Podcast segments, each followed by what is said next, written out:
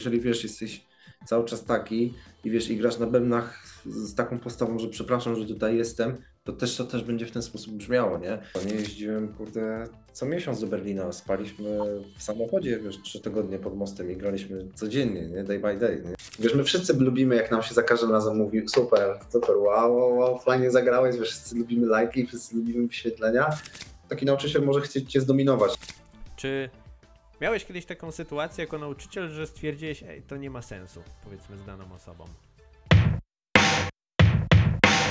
Hello, dzień dobry, tutaj Marcin Dubowski z portalu Poczy Rytm i dzisiaj wyjątkowy gość, wyjątkowy artysta, wyjątkowy perkusista i osoba, która myślę, że jest żywym dowodem na to, że jeżeli czasem być może marzysz o grze na wielkich scenach z super artystami, to czasem potrzebujesz tylko jednej, jedynej rzeczy.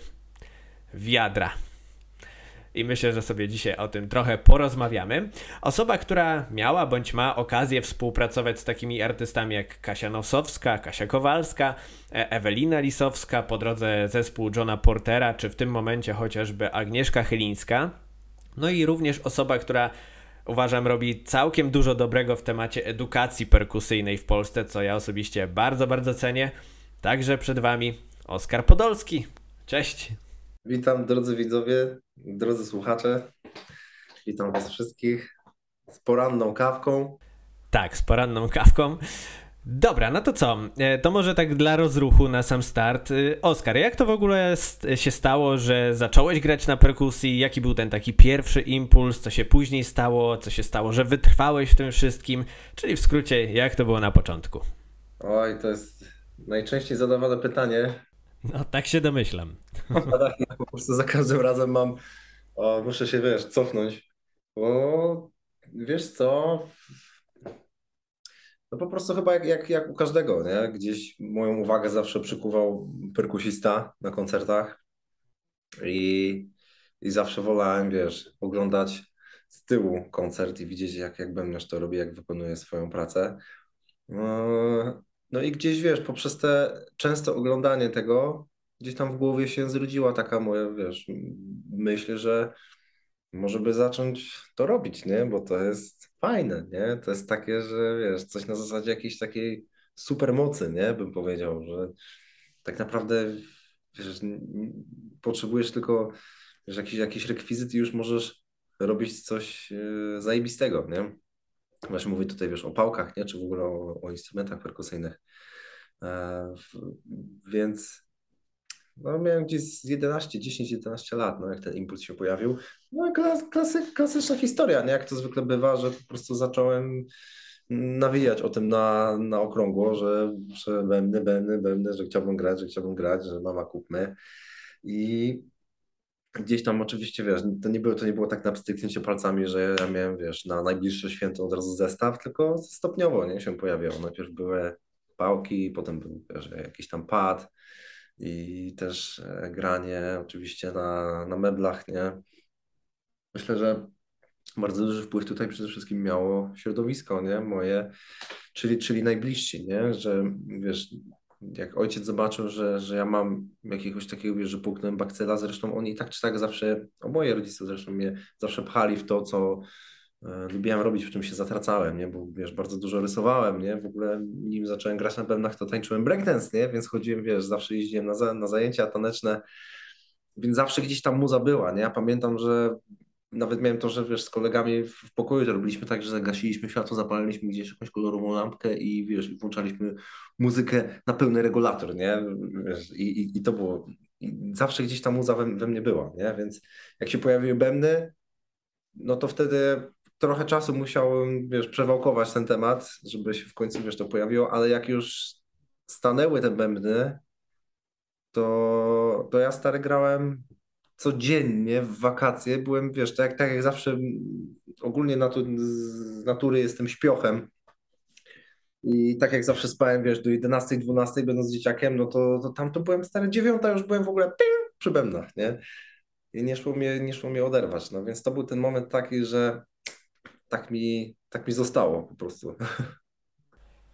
No w ogóle chyba e, u ciebie rodzina grała dość dużą rolę, nie? Bo później też się pojawił zespół taki bardziej rodzinny właśnie, nie? No, no tak. No wiesz, to, to wszystko się zaczęło tak, że Alek Podolski, z którym tworzę, wiesz, moją, na, na naszą szkołę online, e, Podolski Drum Studio właśnie, który w zasadzie jest, wiesz, można powiedzieć, bardzo istotną częścią w ogóle całych tych wszystkich wydarzeń, które, wiesz, tych, tych warsztatów i które, które, które się dzieją. To Alek e, zawsze, wiesz, to jest, to jest brat mojego taty. Więc Alek zawsze, zawsze grał na gitarze w pokoju u babci, gdy przyjeżdżaliśmy na obiad. Więc ja zawsze po obiedzie, wiesz, lądowałem u niego w pokoju i on miał, wiesz, gdzieś pałki po prostu schowane w szufladzie, a to było, wiesz, mieszkanie w bloku, tak więc w ogóle nie było szans stare, żeby ktoś miał, wiesz, bębny, nie? Więc gitara to było jedyne takie, wiesz, możliwe rozwiązanie. I ja tymi pałkami tam z nim grałem, nie? I on grał wtedy, wiesz, jakieś numery Nirwany, czy coś sobie tam grał. Co prawda jeszcze wtedy, wiesz, coś tam sobie stukałem, ale nie wiedziałem generalnie, że wiesz, że bębny to muszą trzymać cały czas ten sam beat, a bardziej jakby wystukiwałem rytmicznie, wiesz, linię, jakby, wiesz, je, je, jego bicia prawej ręki po strunach, nie, że grałem ta, ta, ta, ta, ta, ta, ta, ta jakieś tak, tego typu rzeczy. Mm, I on mnie gdzieś troszeczkę zaraził tym, nie, że wiesz, coś na zasadzie takiego starszego brata, że jakby jak byłem, wiesz, nocowałem u babci na przykład, no to, to zawsze z Alkiem oglądaliśmy do kolacji jakiś koncert, nie? Zawsze po prostu było tak, że zawsze leciał jakiś koncert. I ja tak nie, wiesz, sam, sam sobie tego w domu nie, nie włączałem, ale właśnie poprzez ten proces, wiesz, kilkuletni myślę, e, no to, to, to, zacząłem, jak, zaczęło mi tego brakować, że tego nie miałem, nie? Wiesz, że zacząłem sobie sam w ogóle te rzeczy oglądać w domu i, yy, i no i właśnie wtedy natknąłem, wiesz, na jakieś takie wideo, gdzie, gdzie, gdzie właśnie podobał mi się bębniarz, nie? I potem jak już właśnie tak przewijając trochę do przodu, tak jak się pojawiły już bębny, no to wtedy mój tato stwierdził, że on to to w takim razie będzie grał na basie z nami, nie? Więc wiesz, jak mój ojciec miał stare, nie wiem ile jest, 37, chyba w ogóle jak wiesz, jak powiesił bas na siebie.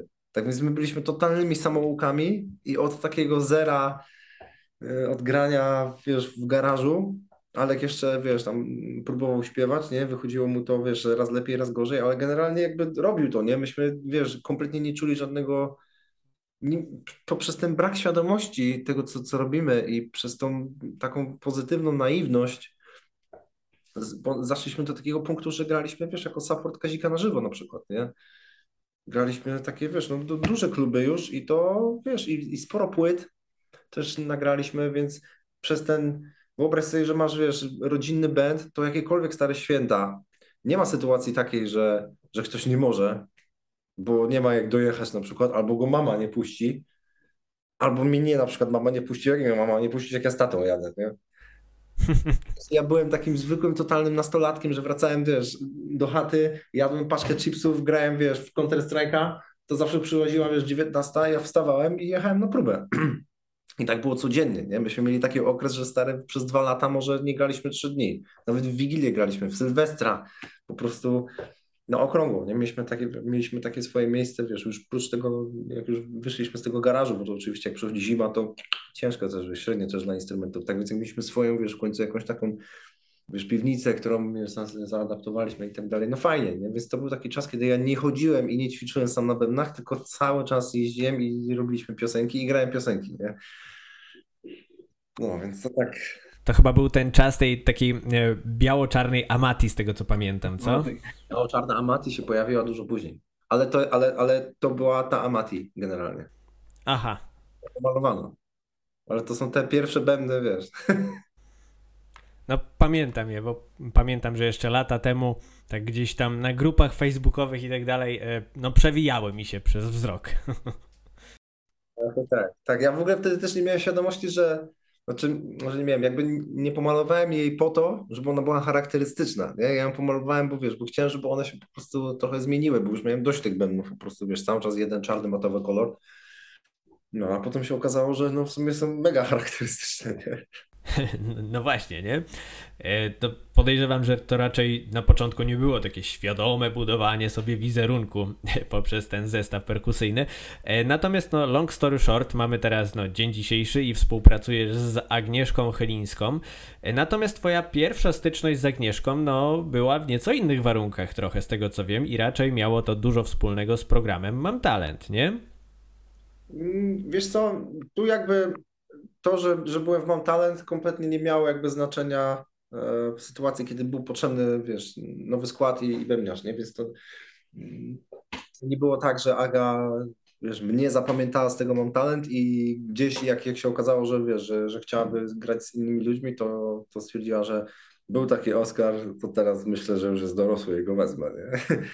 nie, no, nie było to niestety tak, bo ja wiem, że to może tak wyglądać, nie? że wiesz, że o, mam talent, no to jak był, no to, no to się nie dziwię, że ona go A tak pomyślałem, że jakaś taka, nie wiem, lampka się jej zaświeciła czy coś. Nie, nie, nie, nie to, to w ogóle, wiesz, poprzez przebywanie w ogóle właśnie, właśnie w środowisku tutaj, wiesz, w Warszawie, to zadzwonił do mnie Maciek Mąka, nie? gitarzysta, z którym się znałem, bo też gdzieś się poznaliśmy na jakichś tam, wiesz, jakichś tam festiwalach, jak graliśmy właśnie między innymi, jak ja z Eweliną grałem. I z Maćkiem załapaliśmy wspólny język i no jak przyszła taka sytuacja, to Maciek po prostu zadzwonił do mnie, nie?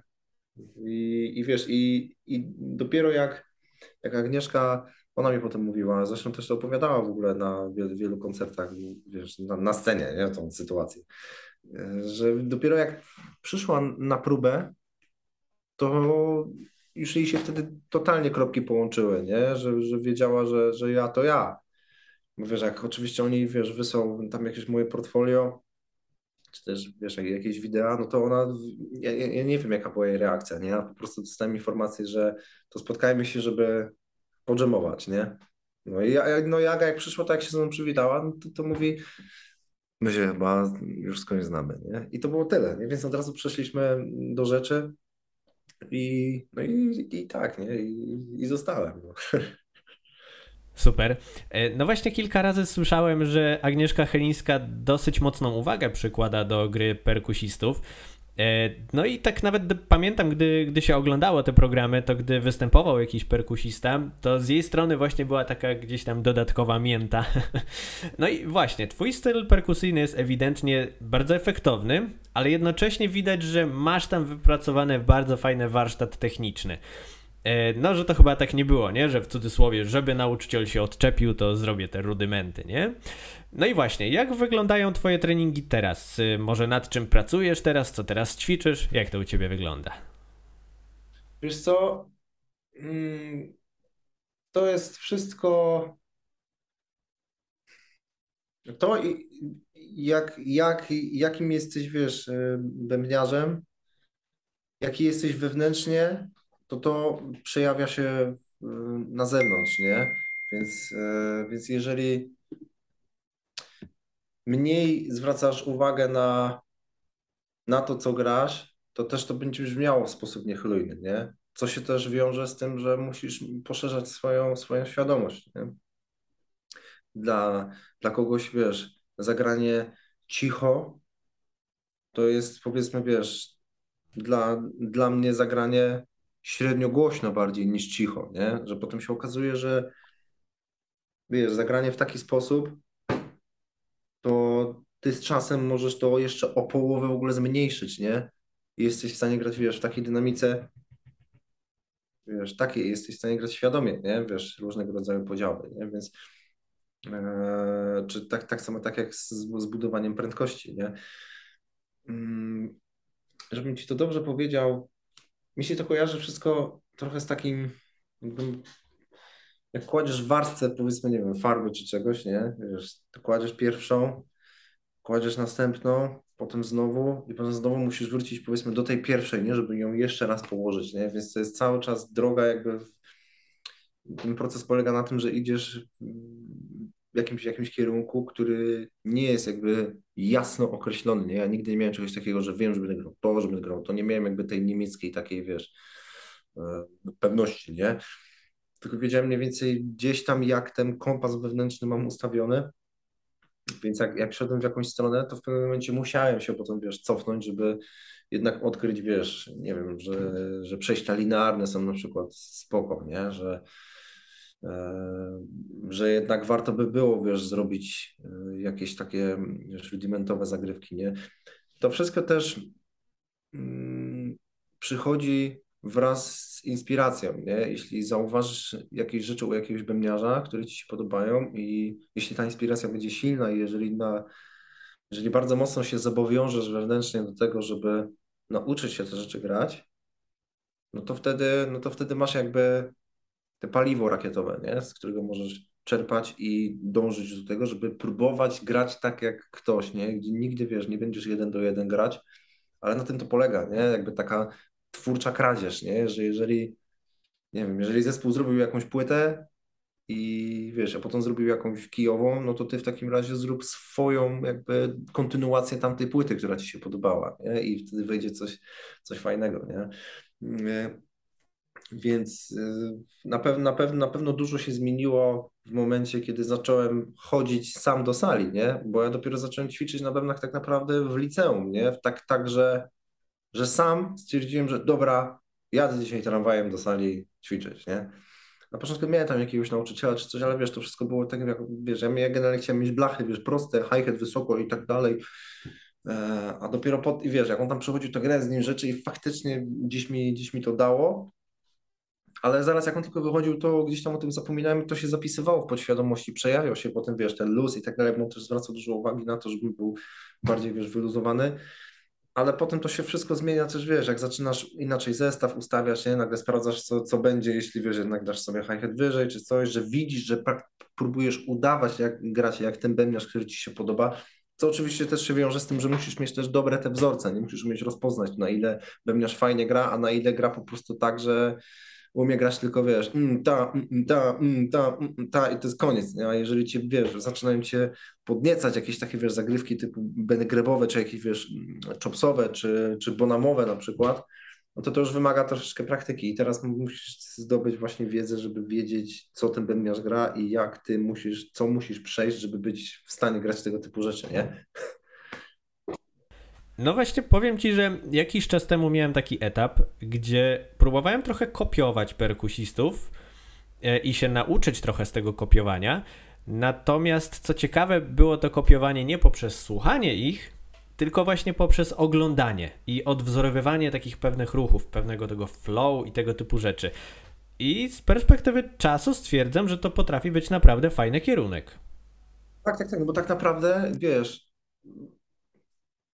Bębny to jest zajebiście fizyczny w ogóle instrument i naprawdę trzeba wiesz, mieć też pewnego rodzaju otwartości ciała, jakby śmiałości w ogóle w graniu, nie? Bo jeżeli wiesz, jesteś cały czas taki i wiesz, i grasz na bębnach z taką postawą, że przepraszam, że tutaj jestem, to też to też będzie w ten sposób brzmiało, nie? Jakby nie było, ludzie chcą też patrzeć na perkusistów, nie?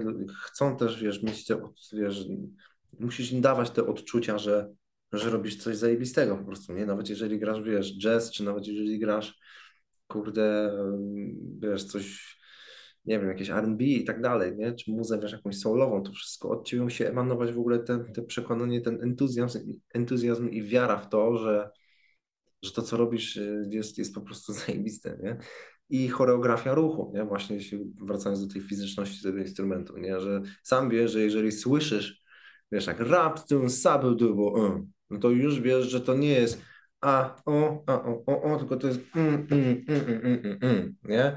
Że to jest, że to jest, że to jest ten ruch, nie? W ten sposób, nie? Że jakby to też ma, to też jest bardzo istotny czynnik w ogóle grania rzeczy, nie? Jeżeli grasz groove, wiesz, z tego typu hi-hatem, czy nawet, wiesz, w ten sposób, to nie grasz tego tak, nie? Tylko to, to wszystko wynika, wiesz, yeah, z luzu, nie? Więc właśnie też, to też, to też ja też chciałem, żeby ta gra wyglądała, nie? Mhm. E, no i niewątpliwie takim elementem, który charakteryzuje trochę twoją grę jest e, ta technika open, nie? Czyli lewa e, ręka hi-hat, prawa werbel. No i myślę, że wielu początkujących perkusistów może sobie pomyśleć, aha, leworęczny. Ale chyba to nie do końca tak jest u ciebie, nie? Wiesz co, mm, ja mam coś takiego, że mnie przekonwertowali w przedszkolu. Ja się urodziłem leworęczny. Ja miałem, wiesz, leworęczność i wiele rzeczy robię też lewą ręką. Nie? Czasami się nawet na tym łapię, że wiesz, że, że lewą ręką w ogóle jem. Albo jak ktoś mi daje, wiesz, dawno nie miałem, ostatnio była taka sytuacja, że byłem u, u kogoś i coś robiłem na komputerze u niego i wiesz, już jestem tak obcykany, że w ogóle wszystko robię już na tym touchpadzie tutaj, nie? To dostałem myszkę, to miałem to, nie? Lewą i mówię, czekaj, nie, tą chyba, tą Gdzie tu jest prawy? Tu, dobra, nie? I wiesz, się, mówię, czyli tą ręką, wiesz, tego typu rzeczy, nie? Czy też w tańcu, jak robiłem takie rzeczy, to też więcej rzeczy wolałem się opierać na, na lewej ręce. Nie. Na ten, te open-handed granie też przyszło wraz, wraz z inspiracją, ale mi też to zasugerował mój nauczyciel, do którego poszedłem, jak wiesz, miałem gdzieś 18-19 lat, do pana Mirosława Muzykanta. Jak chcecie, to sobie sprawdźcie, bo nie za wiele jest oczywiście materiałów też, ale no taki pan, który jest, wiesz, i sam koncerty na fortepianie gra, lata do Ameryki, tam nagrywa z, z ciemnoskórymi i w ogóle tutaj w Polsce prawie nikt o nim nie wie, bo on jakby też nie, nie lubi w ogóle rozgłosu i całej tej, wiesz, komercji jakby, nie? Ale jest wybitnym muzykiem, przede wszystkim też jest dobrym pedagogiem i, Mirek mi bardzo dużo otworzył, bo ja do niego chodziłem chyba z, nie wiem, z jakieś 4-5 lat może i on mi zasugerował właśnie, żebym od razu robił wszystko też na lewo i na prawo, nie? Więc grałem wszystkie, nawet jeśli, wiesz, gdzieś tam się troszeczkę musiałem zagłębić w jakieś takie, wiesz, szaflowe grania rajdowe, to, to wszystkie rzeczy, wiesz, ty, ta, ta, ta, ty, ta, ta, ta, ta, ta, ta, ta, to robiłem od razu też, też na lewą, nie? No a potem się okazało, wiesz, jak jeszcze zobaczyłem jakiegoś innego perkusistę, który grał też open-handed, gdzie ja w ogóle już wcześniej robiłem coś takiego, że jak były takie, wiesz, rytmy, e, że były, wiesz, otwarte, mm, mm, mm, to żeby mieć większy strzał, w ogóle w rimshot, to zamieniałem te ręce, nie? Żebym, żebym nie miał tego, wiesz, ograniczenia tutaj, tylko żebym mógł po prostu, wiesz, wykorzystywać całą tą grawitację i grałem w ten sposób. Więc potem zobaczyłem, że jest to w zasadzie dość e, bardzo użyteczne, nie? No i ta technika chyba też daje ci to, że gdy masz lewą rękę na hi-hacie, no to prawa część twojego zestawu no w zasadzie stoi całkiem dla ciebie otworem i to też myślę, że daje jakieś tam dodatkowe y, rozwiązania, nie? Pewnie, jasne, że tak. No w ogóle samo wiesz, no, no po prostu, nie? Jak nawet jak masz ten klasyczny rytm, ten, tan, ta, ta, tan, to wystarczy, że po prostu tą wymiankę z hi-hatem przeniesiesz na tomę, nie? Tan, tu, tu, ta, wiesz, i, i już, nie? Więc jest to generalnie bardzo wygodne i też no czasami mam wrażenie, że jest właśnie bardziej mi otwiera ta pozycja niż, niż to, nie? Ale to wszystko zależy, bo to i, wiesz, i wysokość hi-hatu i wszystko, że... No to już są takie na pewno niuanse, ale mimo wszystko ta technika open oprócz biało-czarnej amati jest to element na pewno, który cię w jakiś sposób identyfikuje. Nie? tak, tak, tak. Zanim przejdziemy do dalszej części rozmowy, szybka informacja. Poczy Rytm to nie tylko lekcje, artykuły czy wywiady. Oprócz tego prowadzę cotygodniowy cykl perkusyjnych wyzwań ubranych w formie newslettera. Więc jeśli chcesz otrzymywać porządnie wyselekcjonowane treści perkusyjne bez zbędnego spamu, to wejdź teraz na poczyrytm.pl łamane na skarby i sprawdź szczegóły. Jeden mail, każda sobota, punkt dziesiąta. A teraz wracamy do rozmowy. Mhm. No i właśnie widziałem jeden e, z Twoich filmów kiedyś, gdzie była taka sytuacja, gdzie ktoś, no prawdopodobnie realizator dźwięku, powiedział Ci to takie słynne zdanie: Dobra, to teraz zagraj cokolwiek. No i Ty się wtedy odpalasz. Nie? Co mi trochę sugeruje, że dobrze się czujesz w takiej grze improwizowanej, może takiej grze solo i tego typu rzeczy. Natomiast myślę, że dość sporo pewnie głównie początkujących perkusistów, chociaż chyba nie tylko, może mieć z tym problem. Właśnie umiejętność grania tak na poczekaniu. I teraz, czy właśnie ten taki element improwizacyjny to było coś, co w pewnym momencie trenowałeś, ćwiczyłeś? Jak to u ciebie wyglądało z tym tematem? Wiesz co, to jest ulica. To jest granie na wiadrach po prostu. Wiesz, e, w momencie takim, że jakby musiałem nauczyć się przełączać po prostu. Umieć na pstryknięcie palcami przełączyć się na ten stan, w którym kompletnie jestem odporny na jakąkolwiek ocenę, nie? Przede wszystkim też swoją, nie? Żeby też głosem wewnętrznym siebie nie karcić, nie? Za to, że ach, nie trafiłem rima, o, o, spieprzyłem, nie, to już mi nie pójdzie, mm, wiesz, i zaczynam, wiesz, i sztywnieją ci ręce i tak dalej, i wiesz, i, i naciskasz szczękę, przestajesz, wiesz, oddychać. Mm, więc to, to, jest, to, jest, to jest bardzo ważny czynnik, mm, ale tak jak powiedziałem, ulica po prostu, no. Miałem wiele, miałem wiele takich sytuacji, wiesz, że myśmy na wiadrach grali słuchaj, nawet e, między Sylwestrem a między, między świętami a Sylwestrem, nie? Ja grałem, wiesz, w bieliźni termalnej na, na ulicy, wiesz, w Berlinie. E, bardzo często, nie? Jeździłem, kurde, co miesiąc do Berlina. Spaliśmy w samochodzie, wiesz, trzy tygodnie pod mostem i graliśmy codziennie, nie? Day by day, nie? Więc wiesz, miałem po prostu tak ściorane ręce, a jednocześnie potem jak wracałem do bębnów, to to musiałem się nauczyć znowu lżej grać, bo, bo potrafiłem, wiesz, wygiąć, kurde, troszeczkę gorszą obręcz, nie, od Rima, nie, że ona się po prostu troszeczkę, wiesz, uginała, nie, więc też były plusy, minusy tego grania, ale musiałem nauczyć się po prostu, wiesz, no wyobraź sobie sytuację, że bierzesz, wiesz, idziesz z tymi wiadrami, idziesz na spot na przykład, w którym, wiesz, możesz grać, siadasz, podnosisz głowę i stoi już, wiesz, naś, kilkanaście osób, nie, z telefonami włączonymi.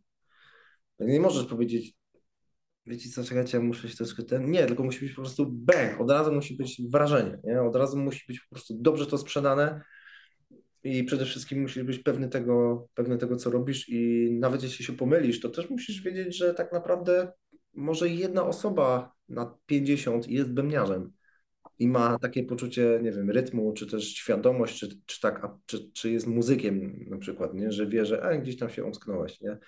Więc to nie ma też co, wiesz, nam, nam się często wydaje, że nawet jeśli, wiesz, kamerzysta czy ktokolwiek, oni kompletnie nie wiedzą, czy, czy, czy ty się pomyliłeś, czy nie, no, chyba, że ci wypadnie pałeczka, nie?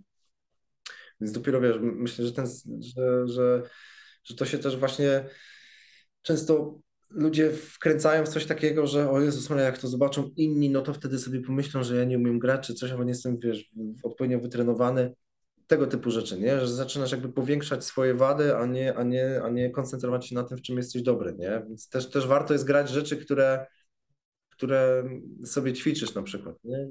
Siadasz i masz jakiś patent, który sobie ogrywasz, niech to, niech to będzie prosty groove, nie? Ale pamiętać o tym, że tak naprawdę chodzi o, o, o to wszystko chodzi o zbudowanie opowieści, nie?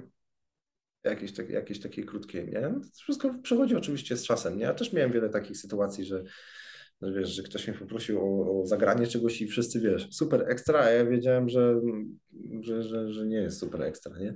Ale tak jak mówiłem, to jest, to jest, to jest kwestia właśnie umiejętności przełączenia się na to, że, że lecisz, nie? I jakby akceptowanie tego, że wiesz, tak jak ja oglądam innych bębniarzy, wiesz, nawet jeszcze młodszego pokolenia niż ja, nie? U nas w Polsce jak grają, to też czasami mówię, no nie, no po prostu jak można grać, wiesz, w takim takim szybkim tempie improwizować, nie? Jakieś takie wiesz, ja, nie, ja bym tak nie umiał nadążyć, nie? A jakby akceptując moje home tempo, które jest, wiesz, dość wolne, jest tego typu, to tak czy tak ja wiem, że ja w tym tempie mogę zagęścić to triolami, mogę 32 nawet i wiem, że mam takie spektrum, że jeżeli przejdę do ćwierćminutowego grania, to tak czy tak to wiesz, będzie, będzie w jakiś sposób spokojne, nie? Więc wszystko, wszystko generalnie kręci się wokół umiejętności przełączania się i akceptowania tego, kim jesteś. No. Mhm. E, no powiem ci, że nawet ta odpowiedź z wiadrami mnie trochę zaskoczyła, chociaż jak sobie teraz o tym pomyślę, to jest to na swój sposób oczywiste. E, natomiast myślę, że temat tych wiader warto by było trochę pociągnąć, ponieważ e, jednak umówmy się, perkusja nie jest najprostszym logistycznie instrumentem, nie? Natomiast wydaje mi się, że taki temat wiader może w zasadzie sobie zacząć każdy i już zacząć bawić się tą taką melodyjnością, e, później również na zestawie perkusyjnym, ale chodzi o tą taką kreatywność, nie? Że właśnie na czym mogę grać, żeby to zabrzmiało ciekawie. No i u ciebie ten projekt z wiadrami przecież w pewnym momencie też eskalował do tego stopnia, że zagrałeś, no, no umówmy się, dość sporej scenie z Hej. No i właśnie, jak to się stało? To było tak, że Hej ogłosił konkurs, że szukają artystów grających na nietypowych instrumentach akustycznych. I to był tak naprawdę pomysł Alka, nie? Żeby, żeby wysłać tam zgłoszenie, bo ja byłem sceptyczny do takich, do takich akcji, bo ja byłem bardziej taki, wiesz, rock and roll, ulica, nie będziemy się nikogo prosić o granie, rozumiesz? a, a Alek zawsze był taki i dalej, i dalej taki jest, nie? że on jakby pociąga w te rzeczy, że mówi, nie, no stary, trzeba wejść do ludzi, musisz co tego, wiesz, i tak dalej. Mm, więc bez niego, wiesz, dużo rzeczy by się też nie wydarzyło, ale mm, oni ogłosili taki konkurs, że ludzie się mają dograć na jakichś właśnie nietypowych instrumentach akustycznych do dwóch piosenek, nie? Ta pierwsza to była tam Sick, chyba tam nie, nie, nie, a druga to była tam teksański, nie? Takie, takie dwie piosenki, kultowe zresztą.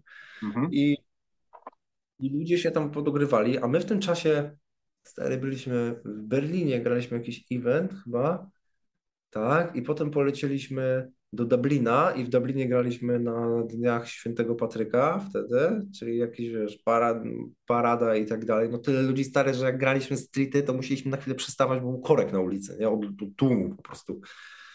E, więc świetne rzeczy. I w tym czasie, tuż przed wylotem nagraliśmy właśnie filmik, jak gramy do tej jednej piosenki, nie? Ja w zasadzie, ja się zajmowałem aranżem tych wszystkich e, rzeczy, co każdy z nas ma grać ile, i wiesz, i tak było takie dopalone, że było takie, wiesz, jak...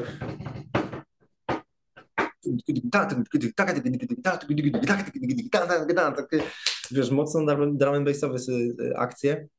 I też zawsze byłem zwolennikiem tego, żeby mieć po jednym wiadrze, nie? żeby nie być tak, że siedzisz po prostu po turecku, bo to też jest niewygodna pozycja, tylko mamy po jednym wiadrze, żeby było, wiesz, minimum po prostu. Nagraliśmy to, wysłaliśmy i w ogóle ja zapomniałem o tym. I Alek dostał telefon potem, od e, jego wtedy narzeczonej, już obecnej żony, która zresztą pomalowała tą zebrę. E, tak, nie? I, I dostał telefon od niej, że, że hej, wybrał tylko nas.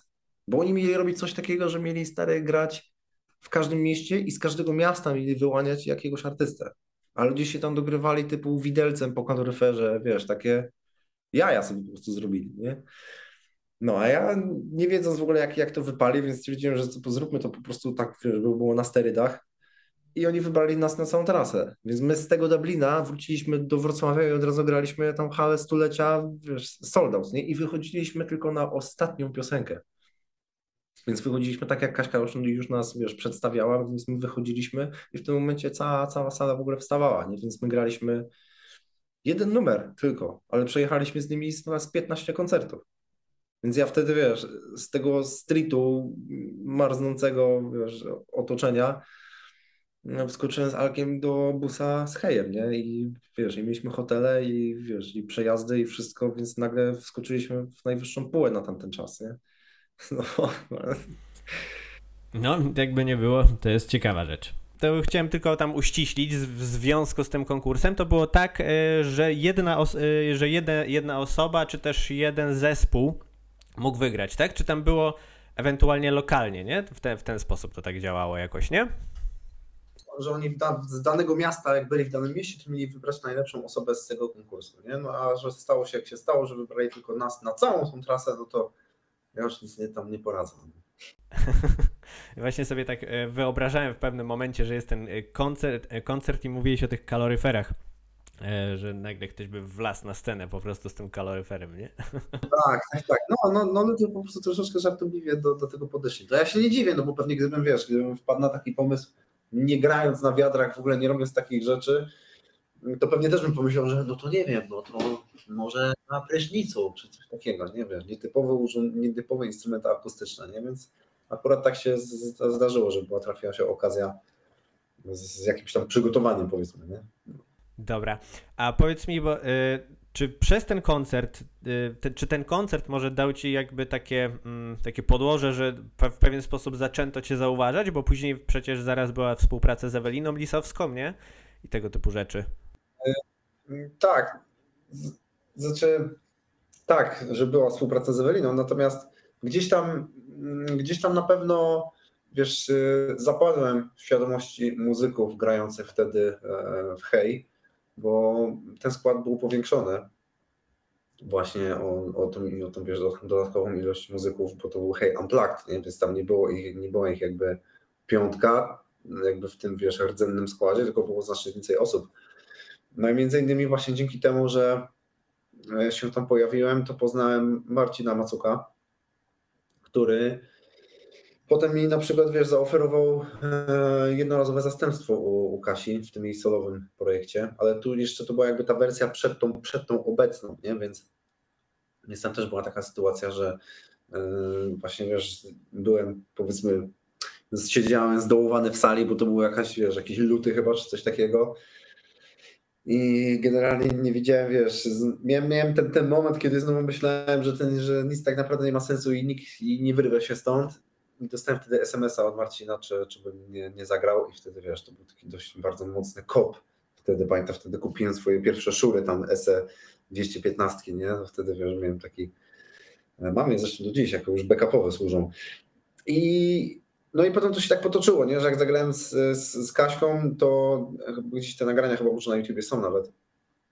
Potem wiesz, y, jakby od, od innej strony też y, wszedłem w środowisko w ogóle muzyczne, ale to na przykład zaprocentowało to, to granie z tym hejem, że na przykład potem się okazało, że Marcin był w, w tym składzie zespołu jak jeszcze istniał, więc, więc miałem, miałem okazję potem po iluś tam latach, chyba po pięciu albo po sześciu latach zagrać jeden koncert na męskim graniu, nie, z zespołem pogodno. Właśnie dzięki temu, że, że, że znałem Marcina i że gdzieś tam, wiesz, się, no, się spisałem, nie, bo jak przyjechałem na próbę do Kasi, no to zagraliśmy wszystko bez Kasi do pierwszego refrenu i chłopaki, dobra, następny, nie, więc ja byłem trochę taki, wiesz, przerażony, mówię, jak to tak szybko, nie. A wejście do Eweliny to jakby z zupełnie innej strony, bo też oczywiście ktoś mnie zauważył, wiesz, na YouTubie, E, jak, jak grałem z takim zespołem Piwo, to się przez V pisze, jak sobie wpiszecie Piwo, tak. E, tak, Słońce, które znasz, to jest też, jest, też jest, jest parę ładnych w ogóle wykonów live, właśnie jakiś tam 2013 rok, coś takiego, bo ten zespół tam w, w połowie lat 90.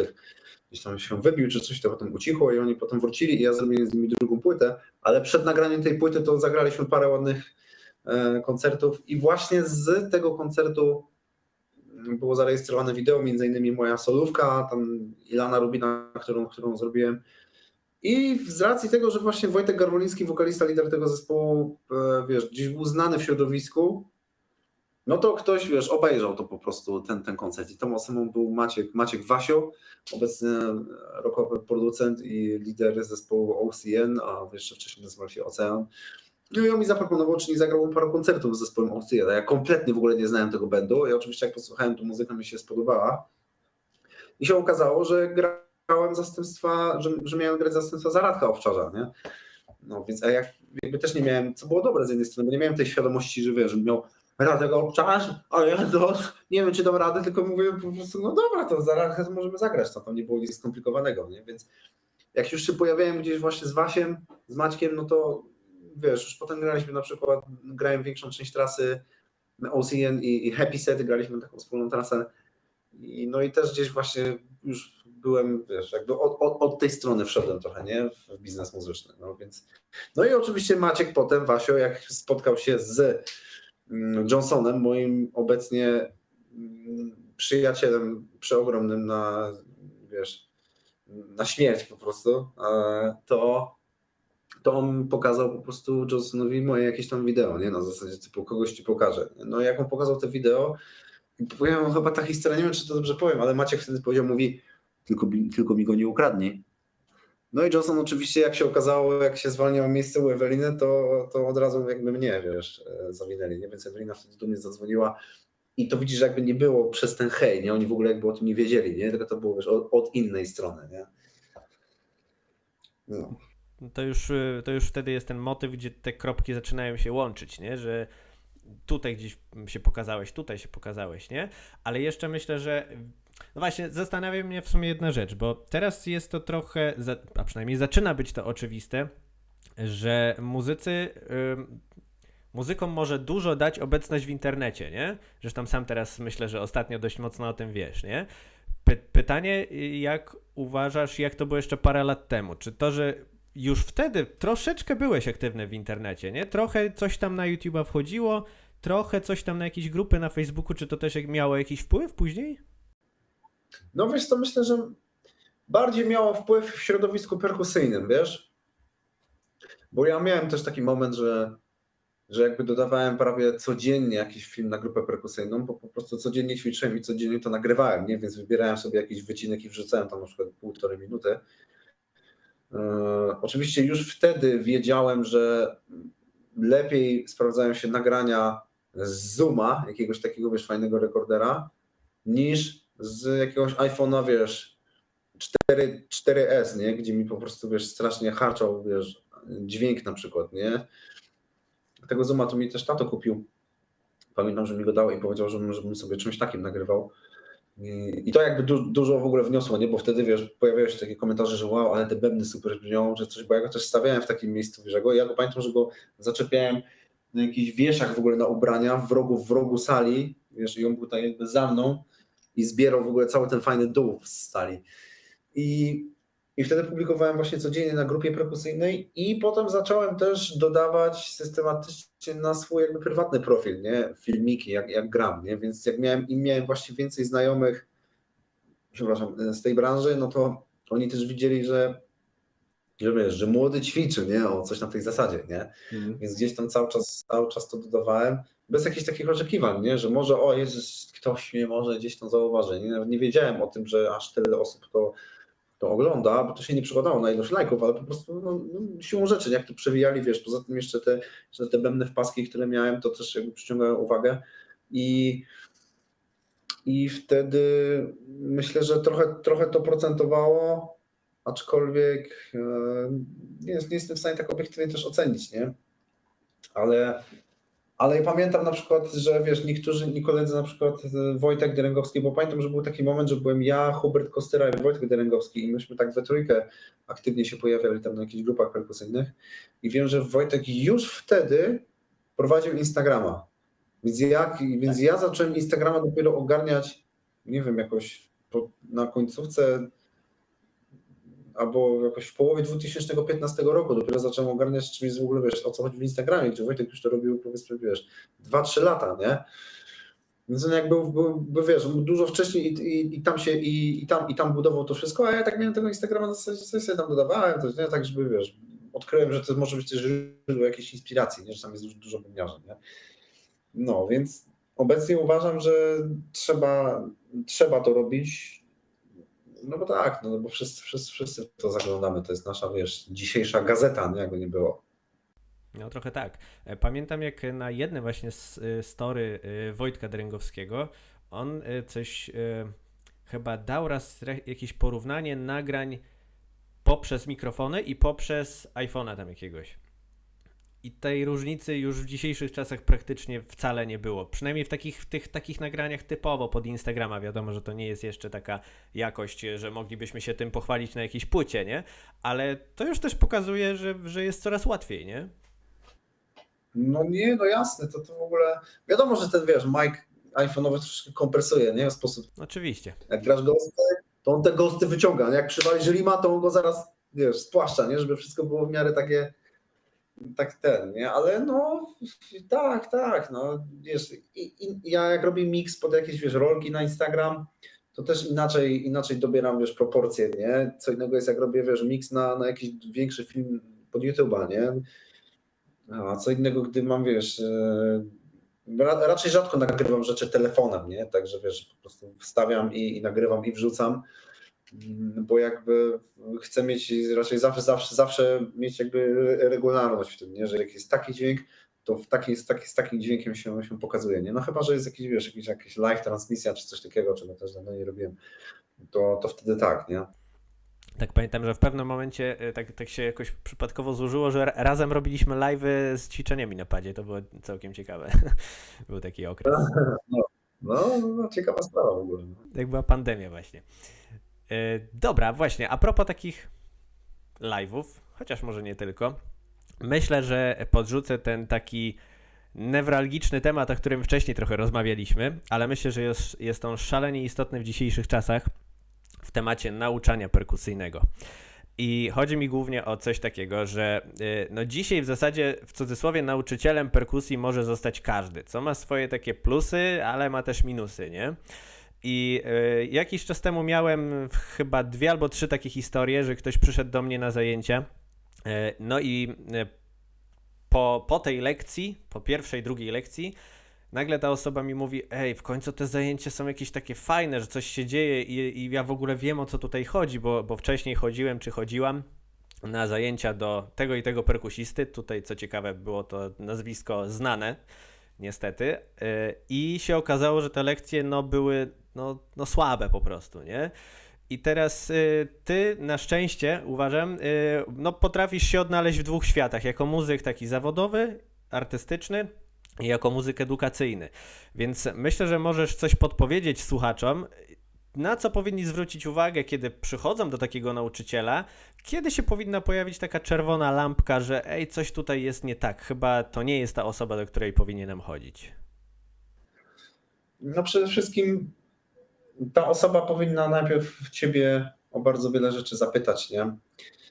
E, nawet o takie rzeczy, na które nie będziesz w stanie odpowiedzieć, nie? że dadzą ci do myślenia, że może dopiero wtedy zaczniesz się zastanawiać nie? Nad, nad tymi rzeczami. I to mogą być takie rzeczy jak, wiesz, jakiej słuchasz muzyki, e, jak chciałbyś grać, kto jest twoim ulubionym perkusistą i dlaczego. Mm, I myślę, że dobrze też to też zależy, wiesz, od osobowości, nie? Na ile masz też taką, wiesz, inteligencję emocjonalną, czy też, można powiedzieć w cudzysłowie, czujesz ludzi, żeby się też nie dać zdominować, nie? Na zasadzie takiej, że wiesz, my wszyscy lubimy, jak nam się za każdym razem mówi super, super, wow, wow, wow fajnie zagrałeś, wiesz, wszyscy lubimy lajki, wszyscy lubimy wyświetlenia, bo to też jest, wiesz, łechtające jakby nie było nasze ego, nie? To też jest pewien rodzaj jakiejś tam, wiesz, próżności po prostu, nie? Mm, ale myślę, że trzeba było być uważnym też na to, że, że czasami taki nauczyciel może chcieć cię zdominować, nie? że przejdziesz i on po prostu zdominuje cię w sposób taki, że powie ci, no i tu masz to, tu masz to, tu, tak wiesz. I ja dopiero, wiesz, po tylu latach uczenia widzę, że jeżeli gram prosty beat i nawet jeżeli zrobię, powiedzmy, wiesz, staram się zawsze grać w ten sposób, nie pokazywać ludziom od razu w ten sposób, nie, bo i tak wszyscy generalnie grają tak, to nawet jeśli zagram prosty beat i wiesz, i zrobię tą przekładkę, że zrobię lewą ręką, zaatakuję hi-hat w ten sposób, to dla ludzi stary to jest już w ogóle wow, total, nie? A dla ciebie to jest po prostu coś takiego, nie? I to, żeby już mieć na uwadze to, że jeżeli pokazujesz komuś coś takiego i mówisz, no i no, wiesz, to zaczynasz robić jakieś przejścia, to tak go możesz przygnieść w ogóle tym, że jeżeli on sobie zacznie zdawać sprawę z tego faktycznie, jaki jest ogrom, wiesz, pracy do wykonania, nie mówię, że nie jest, nie? Ale jak sobie tak, wiesz, jak go przytłoczysz tym wszystkim, to możesz go zniechęcić, nie? Więc y, myślę, że jakby strzelanie, wiesz, fajerwerkami i jakieś takie, może nawet, wiesz, nieświadome e, popisy mogą też kogoś zniechęcić. Mm, na pewno, na pewno taki nauczyciel powinien dbać o to, w jakim miejscu w ogóle lekcja się odbywa, nie? Bo to też, też musi być wiesz, przyjemnie, nie? E, ja na przykład mam coś takiego, że, że zawsze się staram, żeby, żeby była woda wiesz, dla, dla ucznia, nie? No ten, mój jeden uczeń też w ogóle robi coś takiego, że kupuje zgrzewkę wiesz, wody nie? i przynosi mi ją po prostu do, do sali. Więc wiesz, małe wody zawsze są do dyspozycji, jak ktoś przychodzi, żeby ktoś miał gdzie odwiesić kurtkę, żeby nawet nie musiał zabierać ze sobą swoich słuchawek, tylko żebyś miał wszystko na miejscu, że jak siedzi, to żeby nie musiał, wiesz, kłaść nut na pierwszy tom, tylko żeby też miał to gdzieś, wiesz, w zasięgu wzroku, żeby nie musiał grać tak cały czas, nie? Są takie rzeczy, że jak ktoś przyjdzie, to żeby mógł faktycznie odłożyć kurtkę, ściąć i żeby miał wszystko podane, nie? On musi się czuć po prostu jak w zajebistej knajpie, nie? Mm, e, więc, więc to, to jest to. On jest po prostu gościem w twoim pokoju i musi się czuć bardzo dobrze. Mm, no i też e, nauczyciel powinien, wiesz, ja, ja, ja się zawsze śmieję, nie? Jak, jak kończę lekcję z kimś i mówię, słuchaj, musimy się generalnie już zbliżać ku końcowi, bo mam następnego pacjenta, nie? Bo czasami się czuję jak taki, wiesz, doktor, nie? Że po prostu ktoś gra, a ostatnie 10 minut, wiesz, mu wypisuje po prostu kartkę A4 na przykład zagadnień, które ma które ma zrobić, nie? I, i myślę, że, że przede wszystkim zaangażowanie jest tutaj ważne ze strony nauczyciela i to, żeby też nauczyciel się cieszył z Twoich postępów.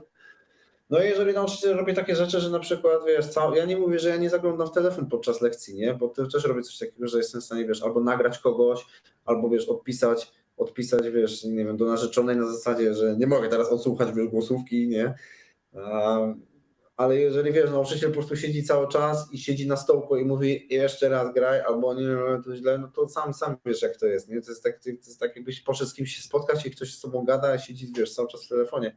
Więc to jest przejaw jakiegoś takiego, wiesz, mm, olewactwa po prostu, nie? No to już jest brak kultury ewidentnie, nie?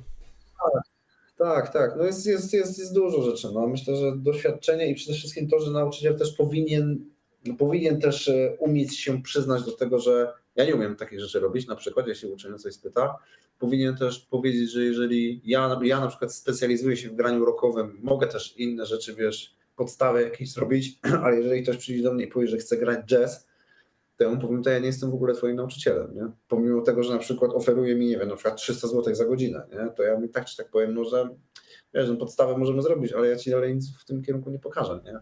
No tak. To jest ten, y, no, taki uczeń też oczekuje jakiegoś rezultatu, mówmy się, w tym wszystkim, nie? No tak, oczywiście, oczywiście, że tak. No, no wiesz, to już, to już, jest też, jego, to już jest też jego, jego robota, nie? W tym momencie do wykonania. Sami wiemy, bo jeżeli też to wiesz, że można cały czas podawać, podawać, podawać, podawać, ale jeżeli jakby z drugiej strony nie ma włożonej pracy, no to, to tu się kończy w ogóle gra, nie? No i myślę, że y, każdy, kto trochę uczył gry na perkusji, doświadczył czegoś takiego, że są osoby, które ogarną pewne rzeczy w parę miesięcy, są osoby, które i w latach, powiedzmy, tą samą rzecz potrafią robić. I tutaj już. Yy, tu, tu właśnie wchodzimy trochę na taki temat, że nie zawsze, a wręcz prawie, prawie nigdy bym powiedział, yy, że jeżeli jakiś uczeń perkusyjny ma jakieś fajne osiągnięcie, nauczył się jakiegoś utworu czy tego typu rzeczy, no to to nie jest, że nauczyciel go nauczył. No nie, no nauczyciel tylko wskazał jakiś kierunek, a robotę ma do wykonania uczeń jednak, nie? Nauczyciel, nauczyciel daje drogowskazy i przede wszystkim powinien e, takie drogowskazy ci dawać, które, które zaoszczędzą po prostu twój czas, nie? żeby nie popełniać niektórych błędów, nie? które będą ci trzymały e, w miejscu. Nie? No to też trzeba mieć jakiś tam pewien, pewien, pewną dozę odwagi, nie? żeby pójść do nauczyciela, powiedzmy, wiesz, tak jak ja, gdzieś tam, wiesz, czasami powiedzmy, jeśli bym pobrał lekcję, wiesz, jakiegoś gościa za oceanu czy coś, to też najpierw, najpierw już bym sobie przygotował listę pytań i najchętniej też sobie bym nagrał tą lekcję i zrobił to tak, żeby jak najwięcej z tego wycisnąć i faktycznie, wiesz, jeżeli on by mi powiedział, wiesz, że źle siedzę, a może powinien mieć to tak ustawione i tak, to, to raczej bym to przyjął z pokorą, nie? A nie tak, wiesz, miał w zasadzie, że dobra, pokaż mi jakieś fajne przejście i już, nie? Mhm. Powiedz mi, Oskar, bo, y, jeszcze jedną rzecz w temacie właśnie tego na, nauczania. Czy wierzysz w talent? Wiesz co, nawet czytałem taką książkę, która jest, nosi tytuł Droga na szczyt. Na 400 stron ma i tam są opisani ludzie, którzy są arcymistrzami w ogóle, wiesz, w szachy, ludzi, którzy potrafili zapis, zapamiętać pewien ciąg cyfr e, i to na, naprawdę, wiesz, jakieś w ogóle niesamowite wyniki, wiesz, sportowcy, muzycy. E, I powiem Ci, że naprawdę bardzo, bardzo wiele rzeczy ma wpływ na to, że można było określić, że ktoś ma talent, nie? Myślę, że to wszystko się zaczyna od początku życia, nie? To jak, jak u Ciebie jest e, w domu, nie? W jaki sposób wychowują Cię rodzice, jakich masz ludzi, jak, jakie, masz, jakie masz środowisko, nie? E, mm, bo myślę, że Hmm. Nie, nie, nie wiem, wiesz, nie jestem w stanie ci powiedzieć, czy wierzę w talent, czy nie wierzę w talent. Na, na, na pewno wiem, że jest coś, to mogę powiedzieć, jakby, że wiem, że, że widzę to od razu i ty też, że jest coś takiego, że jak ktoś siada, powiedzmy, nie wiem, dwunastoletni dzieciak, siada i zaczyna grać, to ty wiesz, czy, czy, on, czy on właśnie to ma, czy tego kompletnie nie ma, nie? I to, I to już są takie rzeczy, że na, na przykład się okazuje, że ten, który to ma, to na przykład e, znacznie bliższa jest e, jego sercu wiesz, muzyka, nie? Czy też w ogóle podoba mu się to, nie? A na przykład jeżeli ktoś siada, to się okazuje, że na przykład w domu nigdy nie leciała żadna w ogóle różna muzyka, tylko cały czas leci, wiesz, RMF Max, wiesz, w radiu słyszy na okrągło te same rzeczy, a, w telewizor, a, a telewizor w domu gra na okrągło, bo wiesz, tylko wszyscy czekają, aż będą fakty, nie? I wiesz, i wiadomości, nie? I nagle się okazuje, że taki, taki ktoś w ogóle się nie obraca w tym, nie, jego głowa nie jest tym, wiesz, na, nasiąknięta, nie? czy też na przykład właśnie, wiesz, tata, nie nie ogląda koncertów, nie? albo nie jeżdżą, wiesz, nie, nie ma po prostu tego w jego życiu codziennym, nie? Więc myślę, że tutaj jest ta, ta różnica właśnie, nie? W tym, czy ktoś siada i intuicyjnie wie, czy siada i po prostu ma, o, że, że totalnie nie, nie? Więc to, to takie, takie rzeczy mają wpływ, nie? A wiesz, gdybym miał powiedzieć o sobie na przykład, to no to mi wszyscy mówili, wiesz, że mam talent, nie? Że o Jezu, ty masz talent w ogóle, ale ja od dziecka zawsze oglądałem, zawsze w moim domu była muzyka i tak jak mówiłem na początku, że ja wiesz, zacząłem wiesz, tam od, od, od tańca, więc ja od kiedy pamiętam zawsze gdzieś tam wiesz, rytm we mnie był, nie? Nawet nawet wiesz, intuicyjnie już pamiętałem, co to są, wiesz, jak miałem 8 taktów, nie? Jakby te wiesz, ile trzeba poczekać, po prostu nawet, nawet wiesz, nigdy nie licząc, nie? E, więc więc na, więc, więc na pewno to wiesz, talent jest niezbadany. Ludzie nie mają czegoś takiego, że wiesz, że, że wiedzą, czy ktoś ma jakiś talent, czy nie. Naprawdę stary, w cholerę czynników się, się na, na, to składa, nie? Począwszy od nawet od takich, myślę, nie wiem, neurologicznych, czy coś nawet takiej sam, samoświadomości ciała, nie? Sam widzisz, jak to jest, że jak ktoś gra w ten sposób, to, to nie, nie jest w stanie zrobić tak, tylko robi tak, nie? Więc to, to jest ta różnica, nie? że ktoś na przykład myśli, że gra z nadgarstków i jest rozluźniony, ale tak naprawdę chodzi o to, nie? Wiesz, umiejętność świadomości ciała po prostu. I tu, i tu się też te rzeczy, rzeczy zaczynają, nie? że na przykład wiesz, to, są całe uwarunk uwarunkowania, nie? Wiesz, genetyczne nawet, nie? Więc nie wiem, no tu ci niestety, ale powiem, że nie, nie, nie wiem, czy, czy wierzę w talent. Myślę, że jest bardzo dużo składowych na to, żeby można było powiedzieć, że ktoś ma talent, ktoś nie ma. Myślę, że bardziej pod, pod hasłem ktoś ma talent, to znaczy, że jego przyszłość jest taka, a ktoś, kto nie ma talentu, to jego przeszłość jest taka, nie? jeśli oceniamy go w danym momencie. Znaczy, to od razu też powiem, to, to nie jest też według mnie wcale taki łatwy temat. E, chodzi mi też o, o coś takiego, że wiesz, że czasem ktoś przychodzi na przykład na zajęcia, albo nawet sam się gdzieś tam zaczyna uczyć, no i stwierdza, że kurczę, to wcale nie jest takie łatwe, jak myślałem, nie? Czy ja się w ogóle do tego nadaję? Może ja nie mam do tego talentu, powinienem to rzucić, nie? I może tak z Twoich doświadczeń, bo wiem, że są też różne podejścia co do tego tematu. Czy miałeś kiedyś taką sytuację jako nauczyciel, że stwierdziłeś, ej, to nie ma sensu, powiedzmy, z daną osobą? Nie. Znaczy, nigdy żadnej osobie nie powiedziałem tego. Nie powiedziałem, nie powiedziałem nigdy jakiejś osobie, że wiesz co, nie ma sensu. Nie, nigdy tego nie powiedziałem. Nie? Bardziej to wiesz, to już wyglądało w ten sposób, że powiedzmy jak skądś odchodziłem, nie? jak gdzieś wiesz, gdzieś w innych miejscach pracowałem, to, to, to na przykład wiesz, nie, nie uważałem, żebym, żebym jeśli, jeśli na przykład miałem grupę uczniów, wiesz, jak dużo słabszych, to, to nie uważałem, że kurczę, szkoda, że wiesz, że nie mam na przykład zajęć z tymi ludźmi, nie? Bo uważałem, że jakby czy to będę ja, czy to będzie ktoś inny, to tak czy tak, wiesz, ten proces będzie przebiegał dalej, dalej tak samo. Bo jak poznajesz, wiesz, każdego ucznia, wiesz, z każdymi ludźmi tworzysz relacje, nie? Więc jeżeli, wiesz, jak ludzie przychodzą po pracy, czy na przykład, wiesz, dzieciaki, czy coś, to już wiesz mniej więcej, jak wygląda ich życie, jesteś w stanie wywnioskować, że ten ktoś nie ma czasu w ogóle ćwiczyć, nie? Więc, więc wiesz, no tak naprawdę ludzie, ludzie chcą, sam wiesz, że trzeba przebyć troszkę tą drogę takiego, że trzeba troszkę się wygrać, wyszaleć, żeby znowu potem zrozumieć, że aha, czyli jednak źle siedzę. Wiesz, nie? Bo czasem ludziom jest ciężko to przyjąć na początku, że hmm, czyli musimy najpierw dwa tygodnie poćwiczyć samo siedzenie. To też wynika z, z charakteru, nie z podejścia w ogóle do tego, nie? Oczywiście. No. No, no więc właśnie, nie? więc nigdy nikomu nie powiedziałem, że to nie ma sensu, bardziej miałem na zasadzie takiej, że jak po prostu kończyłem gdzieś, wiesz, z kimś współpracę czy coś, to to, to tak wiesz, prosto mówiąc, jakby nie zabierałem tej osoby ze sobą, nie? Wiadomo, no też, też nie można, nie można, wiesz, jakby też takich rzeczy robić, ale jeśli jesteś z kimś umówiony, ale nie, nie, nie, raczej po prostu to było tak, że jeżeli ktoś przestał się odzywać na lekcji, wiesz, w temacie lekcji, to ja to jakby nie cisnąłem w tą stronę, żeby go jakby, wiesz, przypominać mu, że halo, są lekcje czy coś, tylko sprawdzałem na przykład, że a jak się na przykład nie będę odzywał na te lekcje, to wiesz, to, bo to jakby jednostronne było, to odpuszczałem w ogóle temat, nie? bo to ja nie chcę, wiesz, nigdy nie chciałem tak, żeby lekcje gry perkusji były przymusem. Nie? Mhm, oczywiście. E, pytam o to dlatego, bo y, nawet na, na, moim YouTubie gdzieś tam ostatnio pojawiły się takie komentarze tam pojedyncze, że ej, nie wychodzi mi to czy tamto ćwiczenie, czy w ogóle jest sens dalej iść, nie? No i takiej, no, wiesz, jedno ćwiczenie nie wychodzi, zaraz tragedia no chyba nie tak to powinno wyglądać, nie? Tak, tak mi się wydaje, że no okej, okay, niektórzy mają różne predyspozycje, takie lub inne, ale jednak po prostu yy, ostatecznie i tak chodzi o to, kto ile powiedzmy te, tego wytrenował, nie? To jest wszystko jakaś umiejętność do, do wyćwiczenia, nie?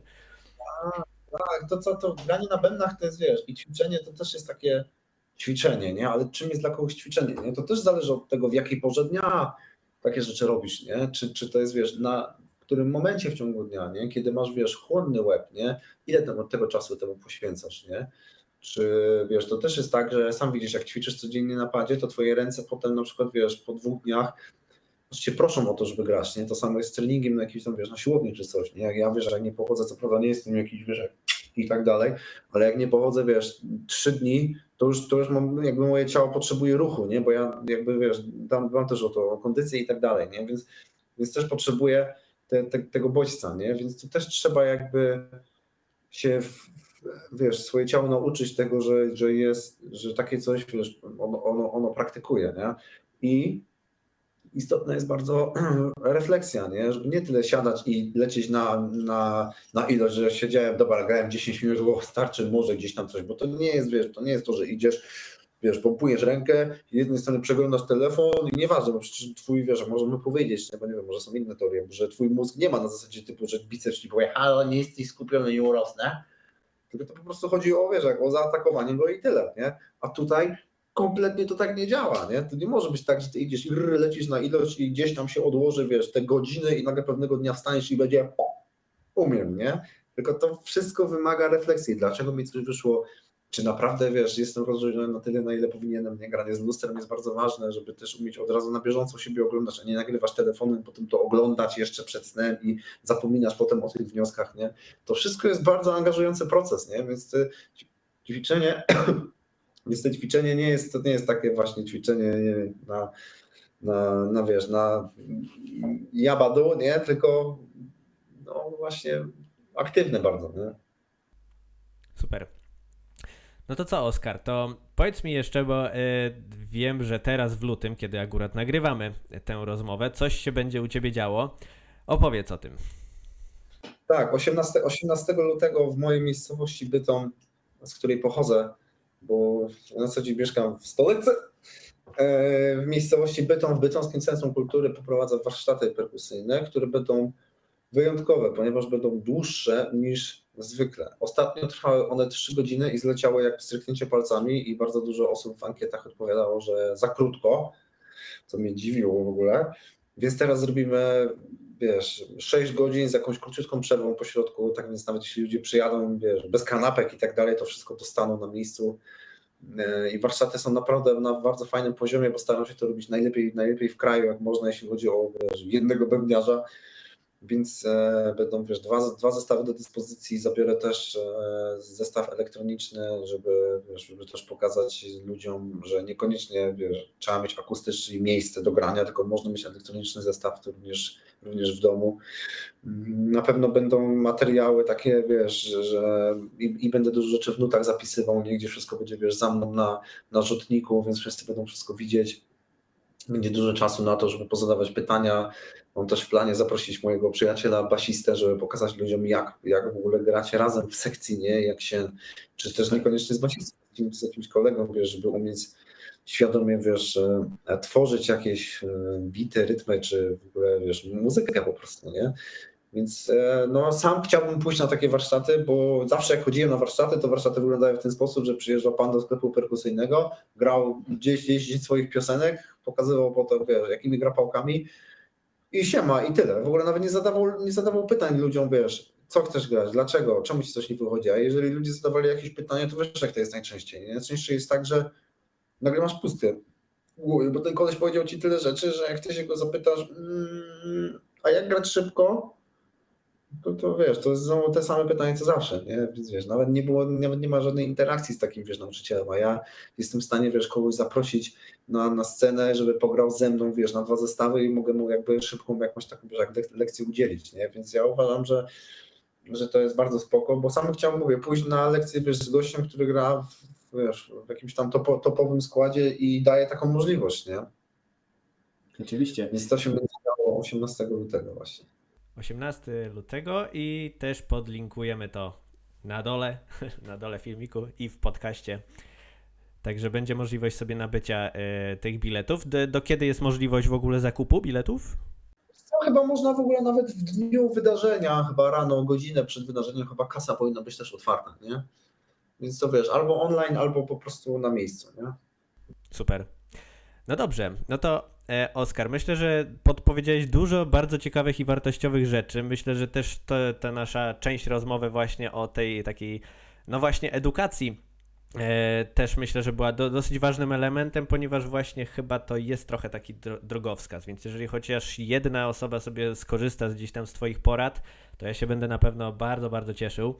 E, no i co? E, Oskara na pewno można znaleźć na YouTubie, Instagramie, TikToku, czy gdzieś jeszcze? Na Facebooku zapewne. No, na Facebooku tak, strona internetowa. No, gdzie tam, gdzie tam mogę, to staram się być. No. We wszelkich czeluściach internetu. Tak, tak, to, tak to ujmijmy. Mówiliśmy też o projekcie Bucket Guys. Y, Tego typu filmiki właśnie z Bucket Guys też są dostępne na YouTubie, zdaje się dalej, nie? Też, też, też wszystko jest. Rewelacja. No to co? To jeszcze raz z tutaj z mojej strony również zapraszam na warsztaty Oskara tymczasem. Mam nadzieję, że ta rozmowa była gdzieś tam dla Was wartościowa. No i Oskar, jeszcze raz wielkie dzięki. Dziękuję bardzo. Do zobaczenia.